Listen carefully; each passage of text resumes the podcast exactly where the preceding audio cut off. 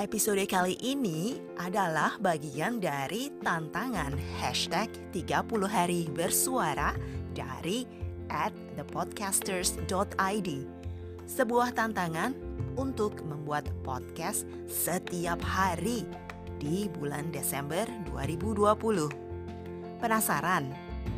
Yuk ikuti dan dengarkan podcast Has To.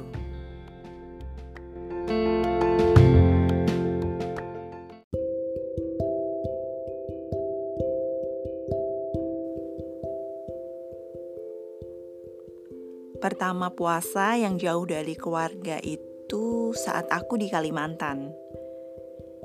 Kalau saat di Jakarta sih nggak dihitung ya, karena aku banyak kerabat di sana dan bisa mudik kapan aja.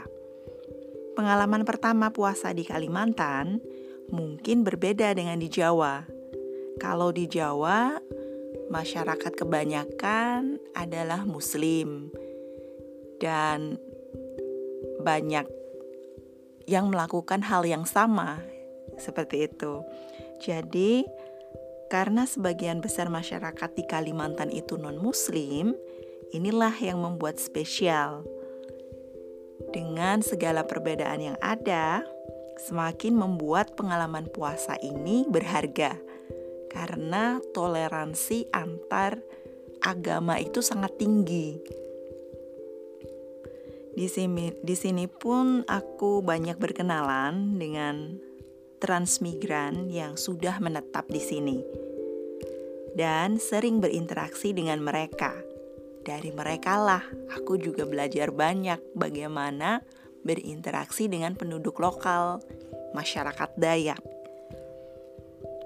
Beberapa tahun tinggal di Kalimantan, aku sering pergi ke rumah teman yang open house saat Idul Fitri tiba.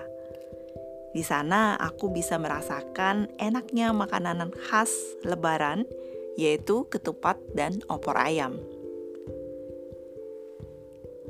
Nah, yang paling menantang itu setelah pindah ke Swedia. Karena puasa di Swedia kalau saat musim panas itu hampir 20 jam karena siangnya lebih panjang daripada malam. Jadi matahari bisa terbit sekitar jam 2 pagi dan terbenam sekitar jam 10 malam. Apalagi kalau tidak ada suara azan di sekitar kita. Jadi tidak ada pengingat untuk waktu berbuka atau waktu sahur.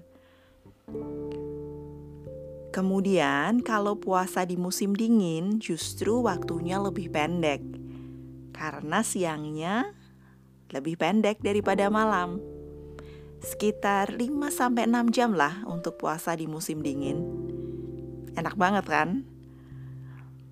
Nah, dari dua pengalaman tersebut, ada dua hal yang paling kurindukan, yaitu suasana makan ketupat opor dan berkumpul bersama keluarga dan teman dekat. Rasanya itu syahdu banget dan mendalam kalau diingat.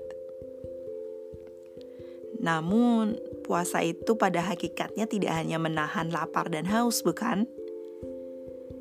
Akan tetapi, belajar untuk lebih sabar lagi dalam menghadapi tantangan yang didapat.